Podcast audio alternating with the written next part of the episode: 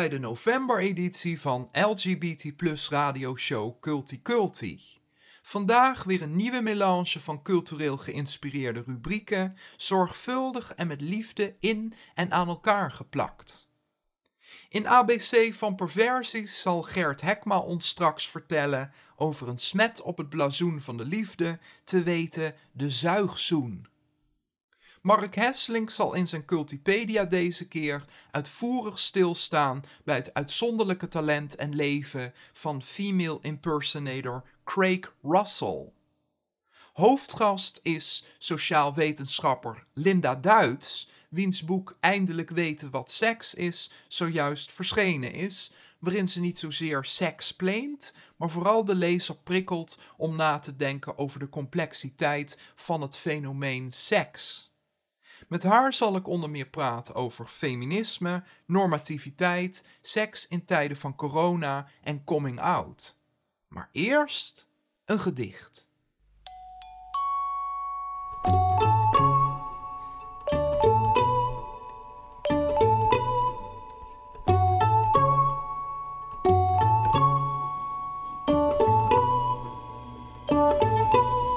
Met ditmaal een kakelvers vers van Mike Hadrius, ofwel Perfume Genius, getiteld Jason.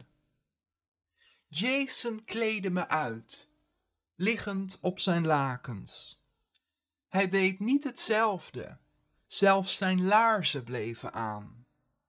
Klunzig, trillend tastte hij me af. Hij was bang. De tranen stroomden langs zijn gezicht. Jason, neem je tijd. Het is niet niks om liefde toe te laten waar die altijd had moeten zijn geweest. Ik was trots dat ik warm en zorgzaam scheen voor deze ene nacht, zelfs door alle drank. We waren 23, breeders op CD. Toen we wakker werden, vroeg hij me om weg te gaan. Ik jatte twintig uit zijn blauwe spijkerbroek. Ik ben ervan overtuigd dat hij me gezien heeft.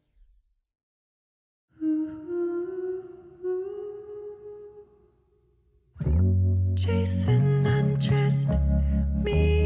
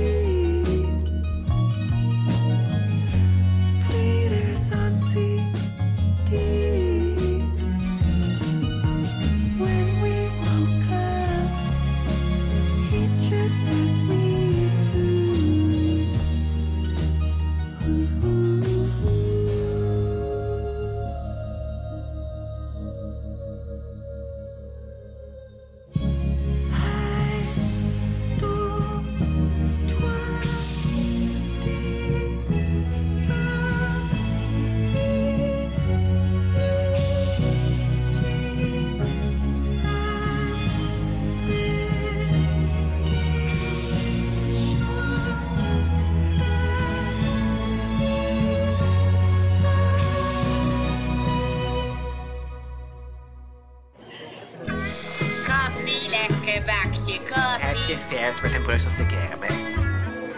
Zo. Op de koffie bij Linda Duits. En ik ben hierbij sociaal wetenschapper Linda Duits, van wiens hand net een prachtig kakelvers boek met een turquoise kaft is uitgekomen. Eindelijk weten wat seks is. Zelf was ik het een beetje vergeten, maar dank je Linda dat je het even op wilde frissen. Graag gedaan. Wat heeft jou geïnspireerd om dit boek te willen schrijven? Ehm, er is een hele mooie origin story voor dit boek. Ik zat met de onvolprezen Marije Jansen van de Ongehoord podcast in een andere podcast, allemaal podcast inteelt dit. En we zaten bij Damn Honey en wij kregen de vraag voorgelegd, wat is seks eigenlijk? En Marije had daar niet direct een heel eenduidig antwoord op. En ik ook niet. En dat is zo'n vraag die dan een beetje in je hoofd blijft spoken. Zeker als je je, zoals ik, heel veel bezighoudt uh, met seks. En het is eigenlijk, toen bleek dus dat het een boek waard is om die vraag te beantwoorden. En eh, ik kreeg de kans ook om een boek te schrijven. Ik heb een hele leuke zoektocht gevonden. En wat ik wel grappig vind, wat ik me nu pas realiseer. Normaal, als ik dus heel intensief met het onderwerp bezig ben, en ik ben al veel langer met seks bezig, maar mijn proefschrift gaat over meisjes, en ik heb ook een boek over feminisme geschreven. En toen die boeken klaar waren, toen wou ik echt niks meer mee te maken hebben. Dus toen wou ik echt niks meer van die meiden weten. Oh, meisjes, oh, feminisme, saai, stom. Terwijl ik dat nu, met seks heb ik, heb ik dat niet. Dus ik schrijf, ook nog, ik schrijf nog steeds columns over seks en ik vind het ook nog steeds leuk. Dus het is zo'n dankbaar onderwerp, zoals je En wat zegt. is er dan anders aan seks dan als je het vergelijkt met meisjes of feminisme? Met meisjes op feminisme. Nou, het is gewoon een onderwerp waar gek genoeg relatief weinig onderzoek naar is. Terwijl het super belangrijk is, zo'n belangrijke rol speelt in onze samenleving. En nu gaan we net, eh, we rollen net gezellig de tweede lockdown in. En dat werpt ook weer allemaal vragen op over seks en intimiteit en hoe we daarmee omgaan. En heb ik zelf ook weer nog weer allerlei vragen die ik daarover wil stellen of dingen die ik daarover te weten wil komen. Ik ben er, ik ben er nog niet over uit nagedacht. Aha. En hoe heeft COVID jouw eigen seksleven en ook het schrijven van dit boek beïnvloed? Want dan ben je dus bezig, wat is seks? Lockdown, dingen mogen ineens Ja. niet meer. Ja, eh, ja, ik praat eigenlijk ik praat bijna nooit in de media over mijn eigen seksleven. Maar ik was single tijdens de eerste lockdown. En ik was dit boek aan het schrijven. Maar kijk, het is ook voor mij, het is ook gewoon werk, zeg maar. Dus het is niet als ik, nou, eigenlijk staat er helemaal, staan, staan geen eh, geile seksverhalen in of zo. Ik ben geen ero- erotische schrijver. Dus het is niet dat ik de hele tijd met rode oortjes achter de computer zit. En ik volgens mij... geen Erik Kolle. Ja, nee, precies. Maar volgens mij ook als je wel erotisch schrijver bent, dan zit je zelf denk ik ook niet de hele tijd met rode oortjes achter de computer. Want dan, het wordt gewoon werk. Maar het was wel heel duidelijk. Ik heb het boek vooral tijdens de lockdown geschreven. En dan wordt het ook wel extra evident, zeg maar, dat er geen seks was eh, in die periode. Of dat er geen seks mocht zijn Hmm. in die periode, laat ik het zo zeggen. En heb je ook gezondigd daartegen? Of eh, hoe, Ehm, heb je dat, hoe ben je daar doorheen gekomen? Nou, ik heb, eh, ik heb eh, zoals, zoals ik dat dan doe, eerst een opiniestuk geschreven voor het Parool. Waarin ik pleitte voor heldere regels vanuit het RIVM die uitgaan zeg maar, van de realiteit van mensen. Namelijk, seks is belangrijk en intimiteit is belangrijk. Please, geef ons pragmatische regels van hoe we binnen het kader, hè, seks eh, hoort erbij, hoe we het dan toch zo veilig mogelijk kunnen doen. En hyper de pipora, een week later had het RIVM geluisterd. Nee, zo was het niet helemaal gegaan. Het is een leuk verhaal als het zo gegaan was, maar het klopt niet helemaal. Fuck buddies of wat? wat Sex buddies. Sex buddies. Ja, dus uh, bijna ook de terminologie overgenomen. eh, terwijl dit heel erg een lobby van Zo Heet Nederland eh, is geweest. Dus alle credits naar hun. Dus toen zei het RIVM, binnen dit kader kan je dat doen. Kies iemand uit die je vertrouwt. Was van tevoren je handen. Maak afspraken over hoeveel mensen je ziet. En eh eerlijkheid gebied te zeggen dat ik dat toen zelf eigenlijk ook al wel daarvoor al had bedacht. Dus ik had al wel een corona sex buddy voordat het RIVM zei dat het mocht. En nu eh, met de tweede lockdown die er gaat komen waarschijnlijk. Ehm, moet ik op zoek naar een nieuwe, want die oude die heeft afgedaan. Oh, oké. Ja. Ja. En in de periode daartussen, denk ik, en volgens mij eh, ben ik daar niet de enige in. Toen, het toen we allemaal wat losser waren in de zomer, ehm, eh, toen heb ik ook wel weer gewoon, gewoon gedate, zeg maar. Mhm. Wat stond jou voor ogen bij het schrijven van dit boek? Oorspronkelijk zou het boek Wat is seks heten, dat, dat was de werktitel. Ik had toen al best wel snel daar vijf antwoorden op bedacht. En toen ik die antwoorden eenmaal had, dan vormt er een soort van geraamte eigenlijk. En ik wil redelijk snel een overzicht van hoe dat boek eruit moet gaan zien. En wat ik vaak heb, ook als ik een column schrijf, dan heb ik een onderwerp. En vaak weet ik ook al waar ik ongeveer het onderzoek moet hebben wat ik daarbij wil gaan gebruiken. Of de bronnen die ik daarbij wil gaan gebruiken. Maar ik weet nog niet wat mijn punt is of wat het betoog nou is. En dat was, dat was bij dit boek ook echt zo. Dus ik wist pas aan het einde, toen ik de conclusie aan het schrijven was. En toch ook weer terugging naar de inleiding. Toen wist ik eigenlijk pas wat ik er nou mee wilde. En vaak is dat echt, als ik de laatste zin schrijf, dacht ik, oh ja, that was it all along, weet je wel. En bij dit boek is dat heel duidelijk. Eh, ik hoop dat als mensen het boek lezen en als mensen dus eindelijk weten wat seks is, dat seks minder beladen is. Eh, omdat je er meer van weet, dan is iets minder beladen. En dan hoop ik dat mensen er minder moeilijk over doen. Want dat is uiteindelijk toch wel wat het boek denk ik laat zien. Het gaat heel erg over Nederland. Het is echt een boek over Nederland. Over In Ne- deze tijd. in Nederland in deze tijd. Maar ook, eh, er zit heel veel seksgeschiedenis in. En die komt soms ook wel overeen met bijvoorbeeld hoe het in België ehm, is gegaan. Of in Duitsland. Maar het is wel echt specifiek op dit land. We vinden ons dus zelf vaak een open land. Of een soort voortrekker eh, zelf als het gaat over gebied, op het gebied van seksuele vrijheid. Maar als je dus wat een beetje aan het oppervlakte gaat krassen met je nagels, dan kom je erachter dat het dus heel erg tegenvalt. En, en wat ik wil doen, is dat soort tegenstrijdigheden eigenlijk blootleggen. En dan, en dan zie je dus dat we vooral ehm, vinden dat we heel direct bijvoorbeeld kunnen zijn in praten over seks. Maar dat we toch niet heel vrijdenkend zijn. En de we is dan een soort algemene Nederlander, want er zit heel veel verschil in. En ehm, wat ik ook Kun je daar een voorbeeld van geven? Nou, ik vind dus, dus één hoofdstuk gaat over voorlichting. Ehm, wat ik zelf, eh, ik vond alle hoofdstukken leuk om over te schrijven, maar het hoofdstuk over voorlichting, daar kijk ik heel erg in naar, wat is nou die inhoud van die voorlichting? Wat zit er nou in die lespakketten? Maar ik kijk ook naar, hoe krijgt die seksuele voorlichting op school vorm? Hoe zien die lessen eruit? Maar ook, wat gebeurt er als die les afgelopen is? Want dan zijn jongeren natuurlijk nog steeds met seks bezig. En daar zie je dat er in Nederlands voorlichting onwijs nadruk wordt gelegd op de eerste keer. En de eerste keer is dan eigenlijk altijd iets met penetratie. Liefst natuurlijk een penis die in een vagina gaat. En dat wordt heel erg opgetuigd als iets heel belangrijks. En dan moet je enerzijds moet je daarop voorbereid zijn zodat je eh, beschermde seks gaat hebben.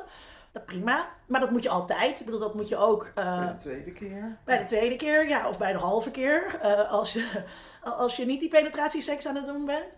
En er wordt heel erg nadruk op gelegd, je moet er dus klaar voor zijn. En dat geldt vooral voor meisjes, want als je er niet klaar voor bent, dan krijg je er achteraf spijt van. En dat geldt ook niet voor die keer dat je gevingerd wordt achter het bommerhok. Dan hoef je die jongen helemaal niet al lang te kennen of te vertrouwen of zo. Daar kan je eigenlijk nooit spijt van krijgen. En bij die penetratieseks wel. En dat is nog steeds gebaseerd op een idee waarin de vrouw de hoeder van de zeden is. Zij moet haar seksualiteit bewaken, zorgen dat hij niet beschadigd raakt, want dan is zij minder waard. En dat is Ze dat. heeft een geschenk te geven. Precies. Bloem. Ja. Ja. dat is een bloem die, eh, die wat een prachtige metafoor is, die in allerlei series eh, echt letterlijk ook zo gezegd wordt. En dat vormt ons natuurlijk allemaal. Ehm, ik was in Algerije een paar jaar geleden en toen vroeg een van die jongens aan mij, hoe gaat eh, daten dan in Nederland? Toen dacht ik, oh, dit durf ik eigenlijk helemaal niet te zeggen tegen dit islamitische jochie, dat eh, het blij is als hij een keer een ijsje mag eten met zijn buurmeisje. En dus daar zijn we dan heel direct in.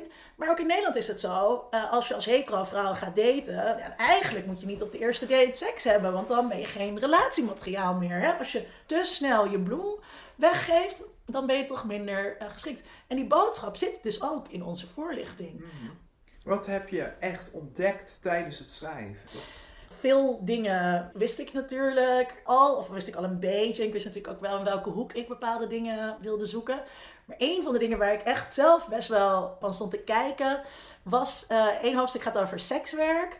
En ik dacht altijd, de manier waarop wij in Nederland met sekswerk omgaan, of tegen prostitutie aan wordt gekeken, dat komt door de kerk. En het is allemaal de schuld van religie.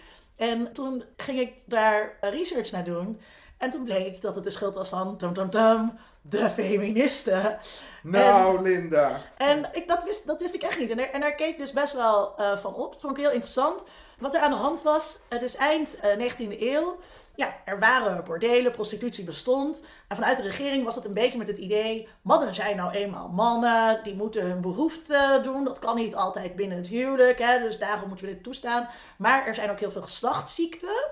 En die, die vormen een probleem voor de volksgezondheid. Dus die geslachtsziekten moeten we indammen. Dus we moeten die prostituees, wat toen nog geen sekswerkers genoemd werden, die moeten we onderwerpen aan heel veel testen. En die prostituees zijn gevallen vrouwen, zijn echt slechte vrouwen, want zij verspreiden al die ziektes. Alsof de man daar dan geen enkele rol in had. Ja. En die, Maar dus meer een medisch stigma dan. ja, en, Ja. Dus, en toen kwamen de feministen van de eerste golf. En dat ging heel erg ook over de vraag van wat is een vrouw en wat is een goede eh, vrouw. En die feministen die zeiden, ja maar wacht eens even. Die prostituees, nee dat zijn zielige slachtoffers. Die, zijn, die worden uitgebuit en die willen dit werk helemaal niet doen. En die mannen, die mannen die zouden zich moeten beheersen. Met het idee eh, dat dat ook kon. En die feministen die kregen bijval van de socialisten. We hadden toen natuurlijk verzuiling in Nederland. En die socialisten zagen ook, die gingen ook voor dat uitbuitingsverhaal. En toen kregen we dus met de nieuwe zedelijkheidswet van 1911 het bordeelverbod, wat pas in 2001 uit mijn hoofd werd opgeheven.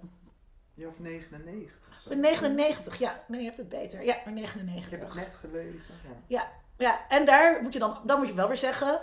Daar hebben de feministen van de tweede golf dan weer een grote hand in gehad. Wat ook wel weer interessant is. In andere landen waren die feministen eigenlijk zowel anti-porno als anti-prostitutie. Maar hier in Nederland ging het wat anders. Toen kwam er het idee onder die feministen, ja, die vrouwen die zijn gebaat bij legalisering. Die zijn gebaat bij goede werkomstandigheden.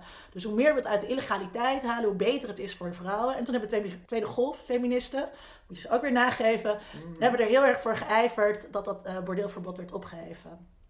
En je noemt jezelf ook feminist in het boek. Dat heeft jou dat ook aan het denken gezet over jouw eigen feminisme, of hoe je dat definieert. Ik heb altijd al een haat-liefde verhouding gehad met feminisme. Dus ik ben. Al, eh, al tijdens het schrijven van je boek Dolomites? Nee, al als kind. Dus, Oh. eh, eh, dus ik was heel erg Madonna-fan. En toen ging ik als student inleiding vrouwenstudies volgen. Dat vond ik verschrikkelijk, want dan mocht je Madonna niet leuk vinden. Want dat was helemaal niet goed voor feministen. Toen dacht ik, ah, rot op, kut feminist. Ik wil niet bij jullie horen.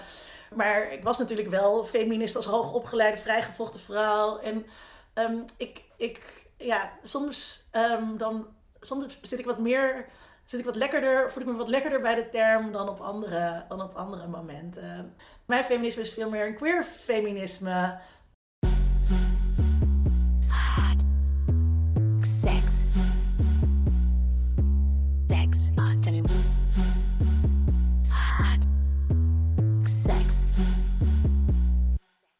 Sex. Ah, tell me.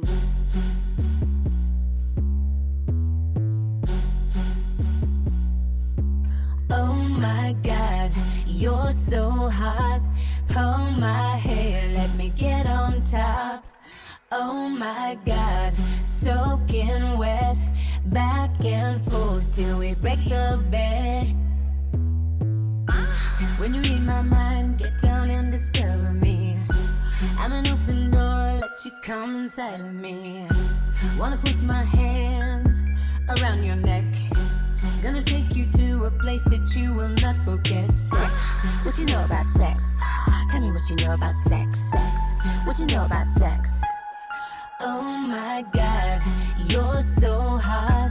Pull my hair, let me get on top. Oh my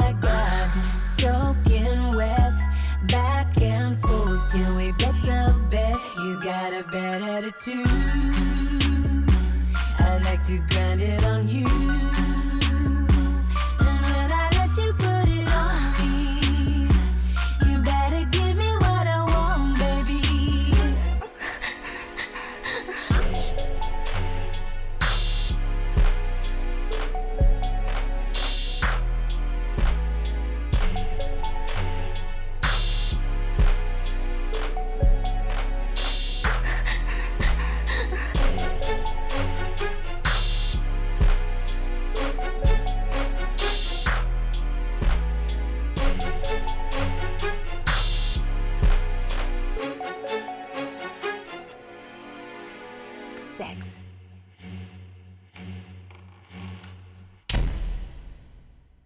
Maar je trekt het bewust daardoor inclusiever en breder.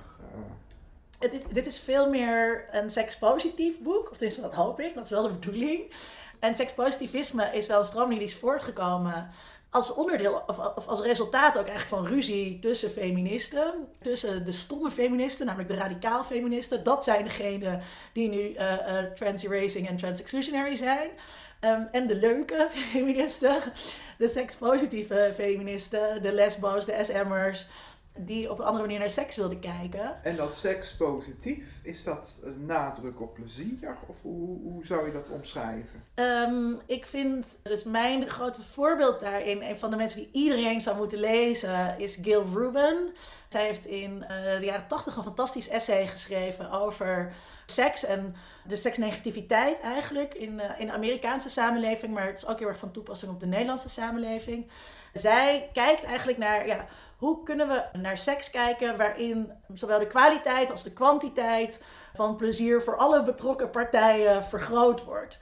Zij heeft een concept dat heet de Charmed Circle. En daarbinnen, in de binnenste kring zeg maar, staan alle vormen van seks die in onze maatschappij zeg maar, goedgekeurd worden. Dus dat is met één andere partner.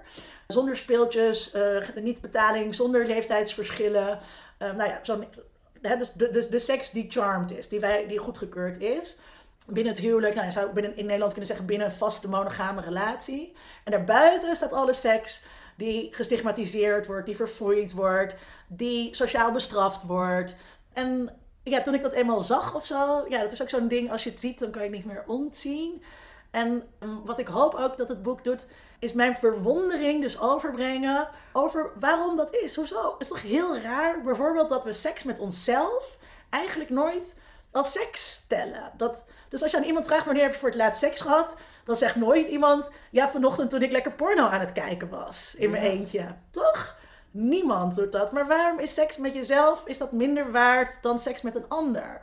En waarom En is ook coïtale seks, dat, dat, dat wordt zo belangrijk gevonden of, of zo centraal. Dat vind ik ook mooi dat je dat benoemt. Alsof dat de enige manier is, of alsof dat heilig is. Ja, Je stelt dat iedere boodschap over seks moralistisch is. Kun je er aangeven waarom je dat zo ziet? Waar, waaruit blijkt dat? het is eigenlijk alle uitspraken die je doet over seks zijn automatisch normatief. En dat komt omdat we, we willen alles over seks weten. We willen allemaal heel graag weten hoe vaak doen anderen het. En ben ik normaal? En daar zijn we de hele tijd mee bezig met dat te vergelijken. En alle uitspraken dus die je doet, die zijn bijna eigenlijk meteen normatief. Of die kunnen normatief worden opgevat. Dus een mooi voorbeeld vind ik wat in alle seksuele voorlichtingsboeken staat. Jongens eh, masturberen, sommige meisjes doen dat ook. En dat is een feitelijke juistheid, dat klopt ook. Alle jongens doen dat, een kleiner percentage van de meisjes doet dat. Maar het wordt eigenlijk meteen ook een soort normatief kader. Waarbij als je dat ziet als meisje, denkt: oh, misschien ben ik dus een beetje raar als ik dat doe. Dus ook ogenschijnlijk neutrale boodschappen over seks worden al snel, zit, al, zit al snel normatief kader in en worden ook al snel op die manier opgevat. En je kunt dus niet zonder moraal over seks praten. Dus ik, ik ontkom daar ook niet aan. Dus ik probeer wel te laten zien welke verschillende moralen ten grondslag liggen aan bepaalde dingen. Maar ook ik zit in een bepaalde moraal, namelijk een heel sekspositieve moraal. Heb je het idee dat de huidige samenleving verpreutst? Of niet?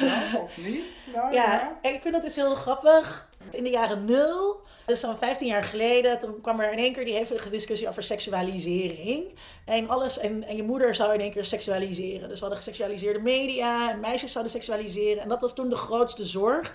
En de boodschap daarachter was eigenlijk, kan het niet even een tandje minder? De briezersletjes. De en briezersletjes, zo, precies. En nu merkte ik dat ik een paar keer achter elkaar geïnterviewd werd. Vorige zomer was dat.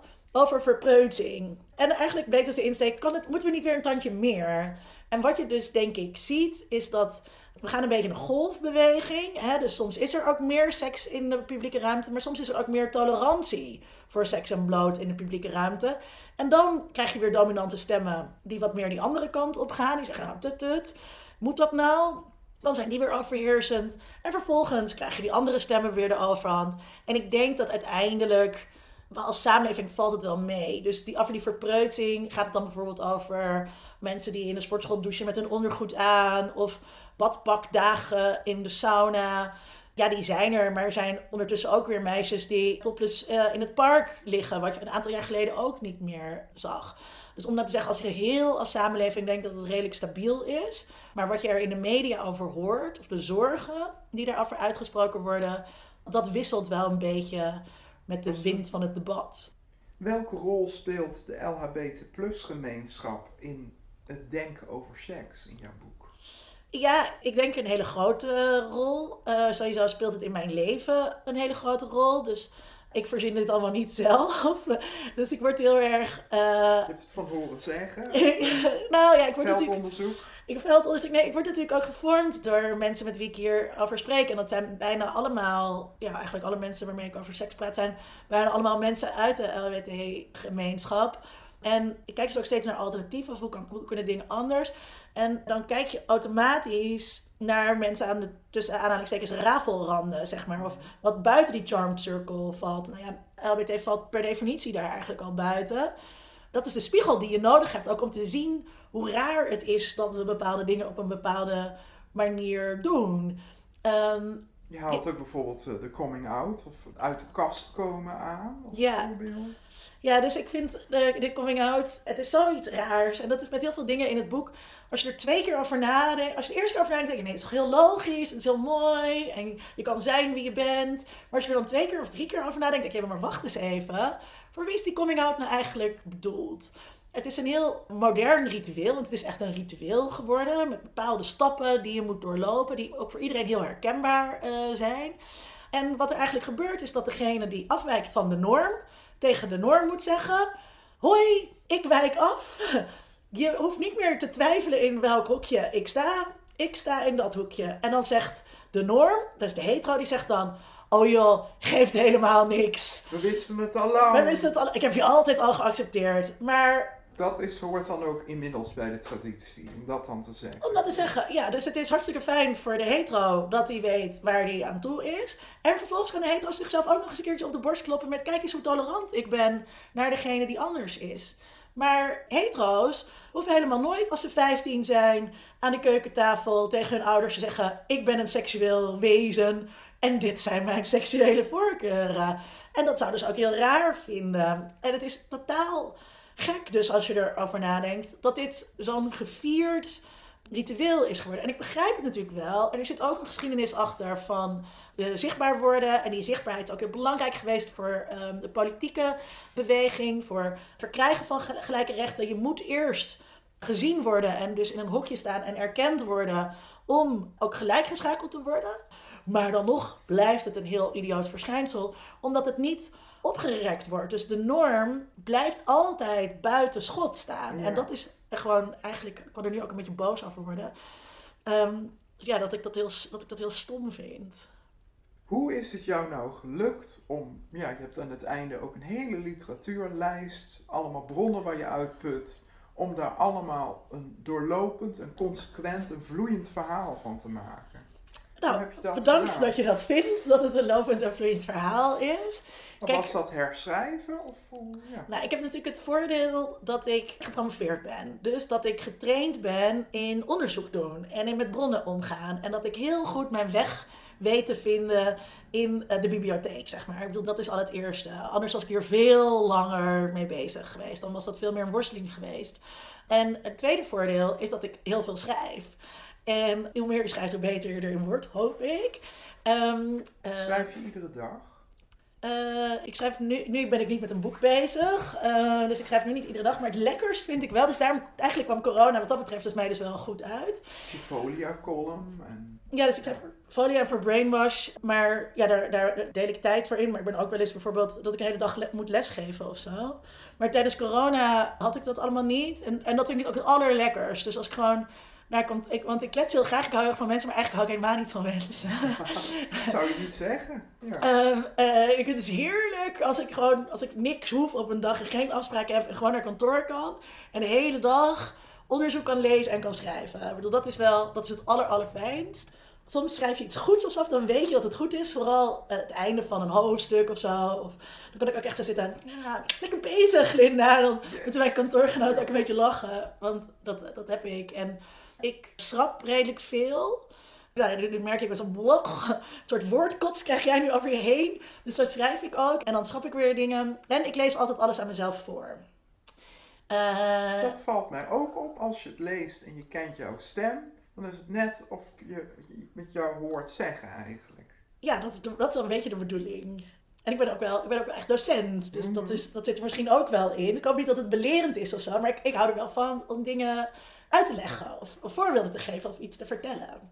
Zou je ter illustratie aan het einde ons even wat voor willen lezen? Nou, daar kan ik niet aan gaan beginnen. ja, Nee. natuurlijk, leuk. Ehm, dit gaat over de onzinnige focus die er is op, ehm op coitus. Komt uit het eerste hoofdstuk.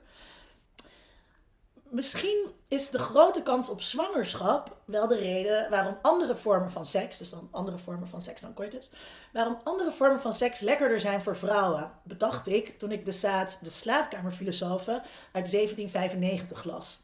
Daarin geeft de libertijn Dolman C. seksueel onderwijs aan de maagdelijke eugenie. Voortdurend hekelt hij de vaginale penetratie, zoals in dit verhaal dat hij haar vertelt. Dus ik noem nu even een quote in een quote. Vandaar dat wonderlijke antwoord van een vrouw met een rijke verbeelding, die onverschillig met haar man aan het naaien was. Waarom ben je zo cool? vroeg hij haar. Dat is me ook een vraag, antwoordde dit wonderlijke schepsel hem, omdat het saai en vervelend is wat je aan het doen bent. Het is natuurlijk, en dan ga ik weer verder. Het is natuurlijk ook helemaal niet handig als vrouwtjes de hele tijd zwanger zijn en meer kinderen produceren dan ze in de gaten kunnen houden en dus kunnen beschermen.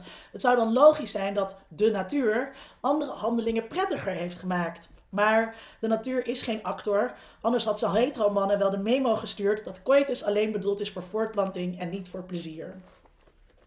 Eindelijk weten wat seks is, nu verkrijgbaar bij de lokale boekhandel. Dank je, Linda. Jij bedankt, ik vond het leuk.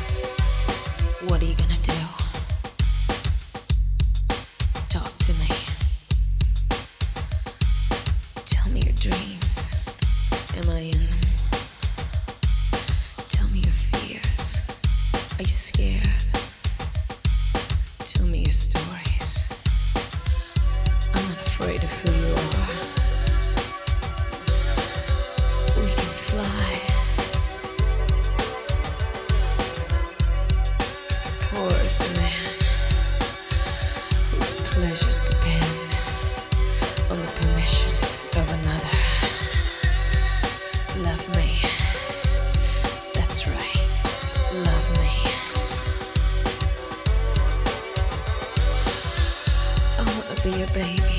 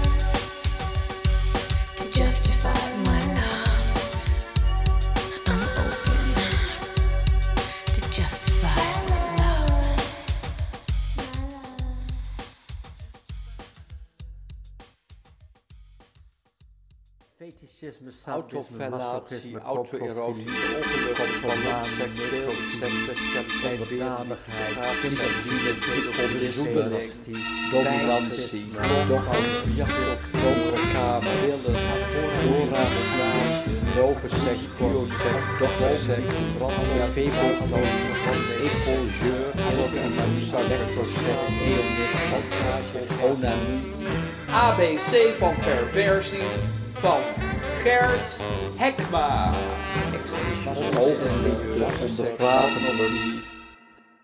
En de perversie van deze maand is bijten. Net als krabben is bijten een wat vrede versie van kussen. Naast de liefdeskus kennen we ook de liefdesbeet. Zet je tanden in zijn of haar nek, neus, bil, buik of borst en krijgt een mooie rode afdruk van je liefde op het lichaam van de ander. Wie kent niet de wat onhandige momenten dat je met iemand zit te praten en je opeens de sporen van een liefdesbeet of een zuigkus op de nek van je gesprekspartner signaleert. Je ogen trekken vervolgens ongewild naartoe, hoe je ook je best doet om er geen aandacht aan te besteden. En de ander kan een bewijs van liefde proberen toe te dekken met een sjaal of door zijn kraag wat op te zetten. Er iets over zeggen kan heel ongepast zijn. Ik heb een zuigzoen, een dikke. Ik heb zuigzoen in mijn nek, yeah. En het voelt, en het voelt, ja dat voelt een beetje gek. Zo'n zuigzoen in je nek. Gisteren ik hem nog ik weet niet hoe het komt. Gelukkig heb ik hem in mijn nek en niet één op mijn kont. Oh, zuigzoen in mijn nek. Ja, dat voelt een beetje gek. Oh yeah. Misschien heeft een alien aan mij gezogen. Dat is toch iets wat ze echt niet mogen. Nee, een zuigzoen in mijn nek. En vind ik heel erg gek. Oh yeah.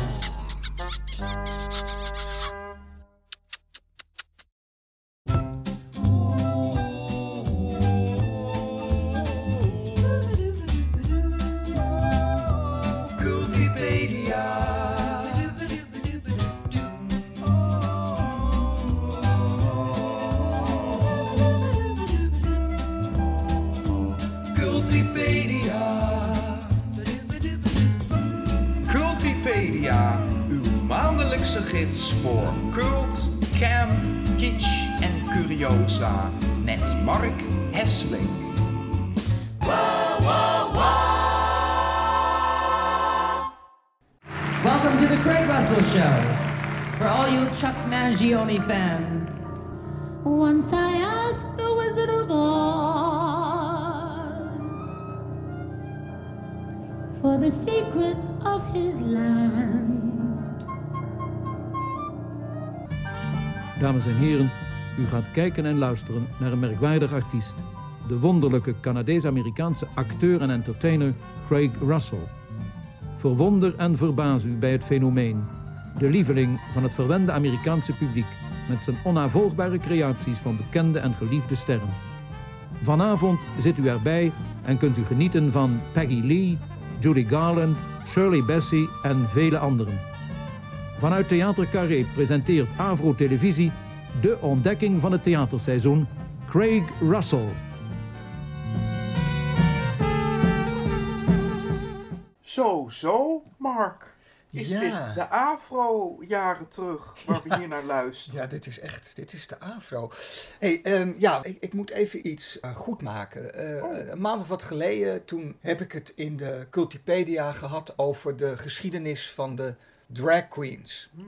En er zat eigenlijk de hele tijd in mijn achterhoofd, had ik het idee dat ik iets over het hoofd zag. Want we hadden het over Nederlandse drag queens, we hadden het over Margreet Dolman, we hebben het over Snip en Snap gehad. Maar ik wist dat ik wat vergat en... eh, Het is ook moeilijk om compleet te zijn met drag queens. Sowieso. zijn zoveel, ja, absoluut zoveel waar. Maar we zoeken natuurlijk de hoogtepunten. En één hoogtepunt kwam ineens weer in mij op, een paar dagen geleden. En dat was dat in 1980 in een uitverkocht carré de Canadese hele bijzondere artiest volgens de Afro, Cray Russell, op het podium stond. Craig Russell. Craig Russell. En het gekke is dat ik, ik was in 1980, was ik 16 jaar oud. Eh, nog lang niet uit de kast en ook nog niet oud genoeg om daarheen te gaan. Maar ik herinner me nog dat dat destijds een ding was. Dat iedereen het daarover had. Dat het een hele bijzondere show was. En zat jij ook voor de buis toen, toen dit uitgezonden Ja, werd? ik heb het wel gezien. Want het was gewoon op de Nederlandse televisie. Het was opgenomen in Carré met een groot orkest. Het was echt een serieuze show. Opgenomen en uitgezonden door de Afro. En het was gewoon een dragshow. Nou ja, gewoon. Want deze Cray Russell was wel een hele bijzondere artiest. Hij was een drag queen met een ouderwets woord, een, in een beetje ouderwetse betekenis, een female impersonator. En letterlijk, want zijn show bestond eruit dat hij allerlei grote diva's nadeed. En wie flitste er dan zo al voorbij? Nou ja, ik heb de show die in zijn geheel terug te vinden is op YouTube zitten bekijken. En ik heb er zo van genoten. En onze complete Divalicious-serie kwam ongeveer voorbij.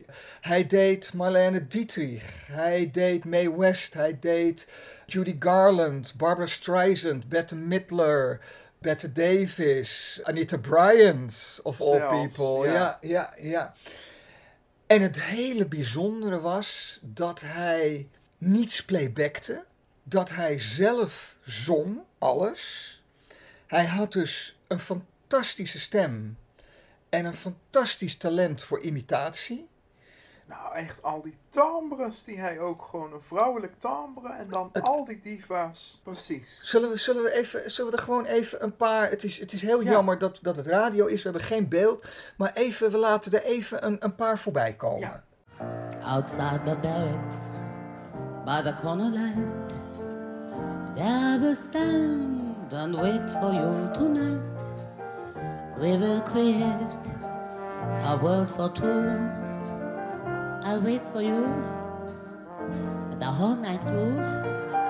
For you, Lily Marlene.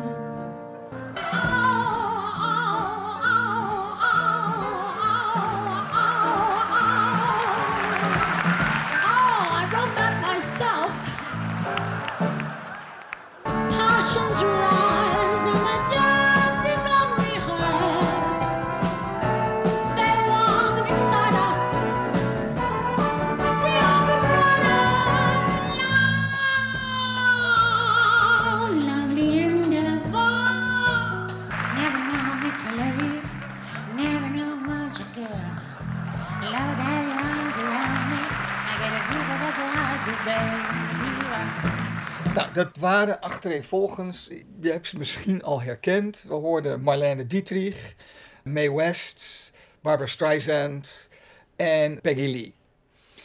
En het bijzondere is, je hoorde al gewoon dat dit heel goed klonk. Maar als je het ook ziet, het bijzondere is, hij doet wel iets met jurken. Hè, bijvoorbeeld in het geval van Peggy Lee, die had altijd van die grote tulle gewaden aan. En Marlene Dietrich natuurlijk met die eeuwige bontjas en die witte glitterjurk. Hij heeft de pruiken op. Make-up is eigenlijk, want hij, hij, die imitaties volgen elkaar snel op. Dus de make-up doet hij niet eens zoveel mee. Maar hij doet het helemaal met mimiek en motoriek. Nou, ik heb jou ook laten zien. Het is uncanny.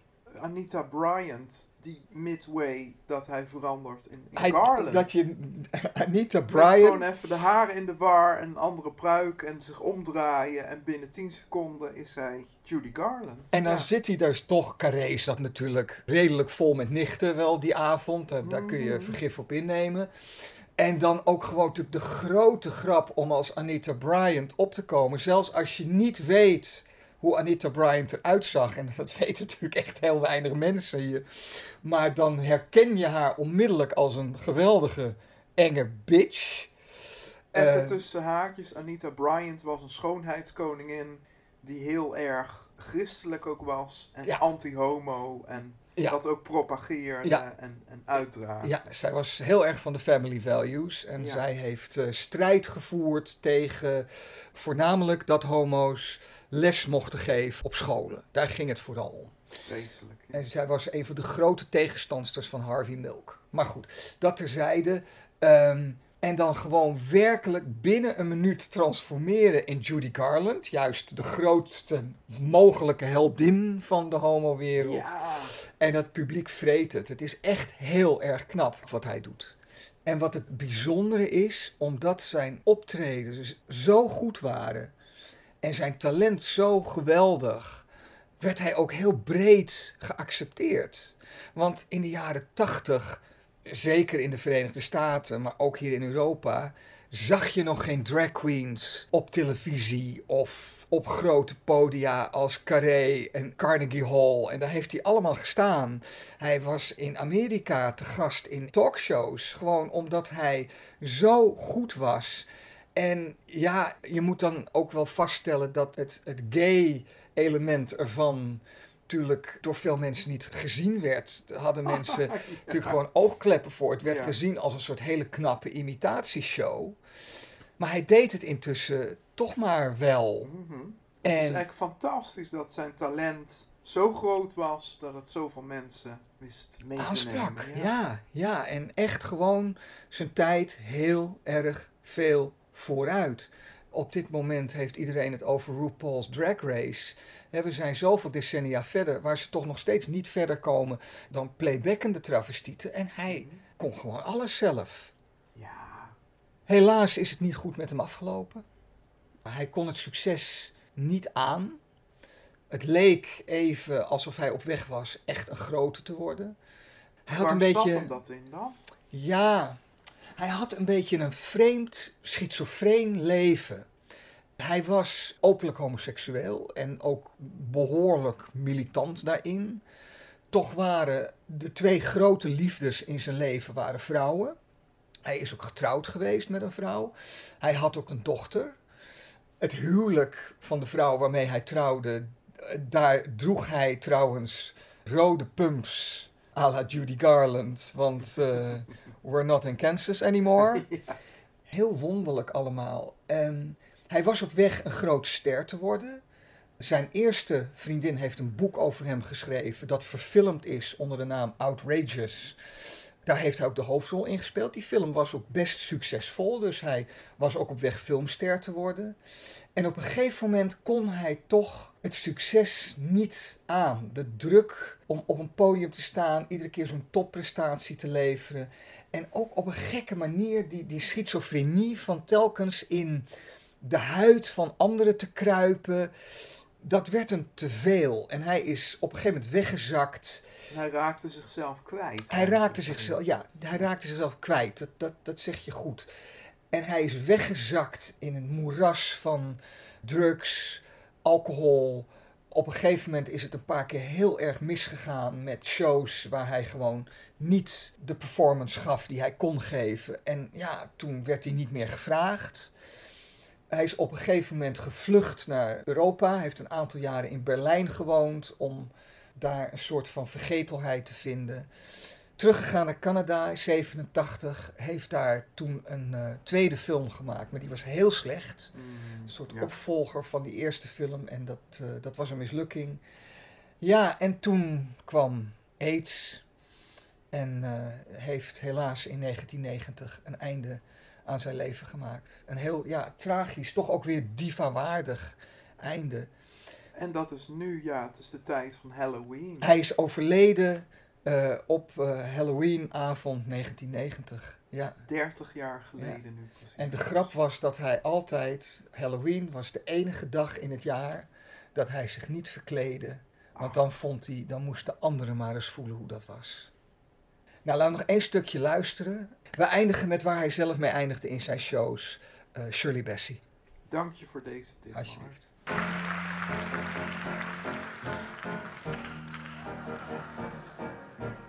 I, I have nothing. I, I hope no one must watch you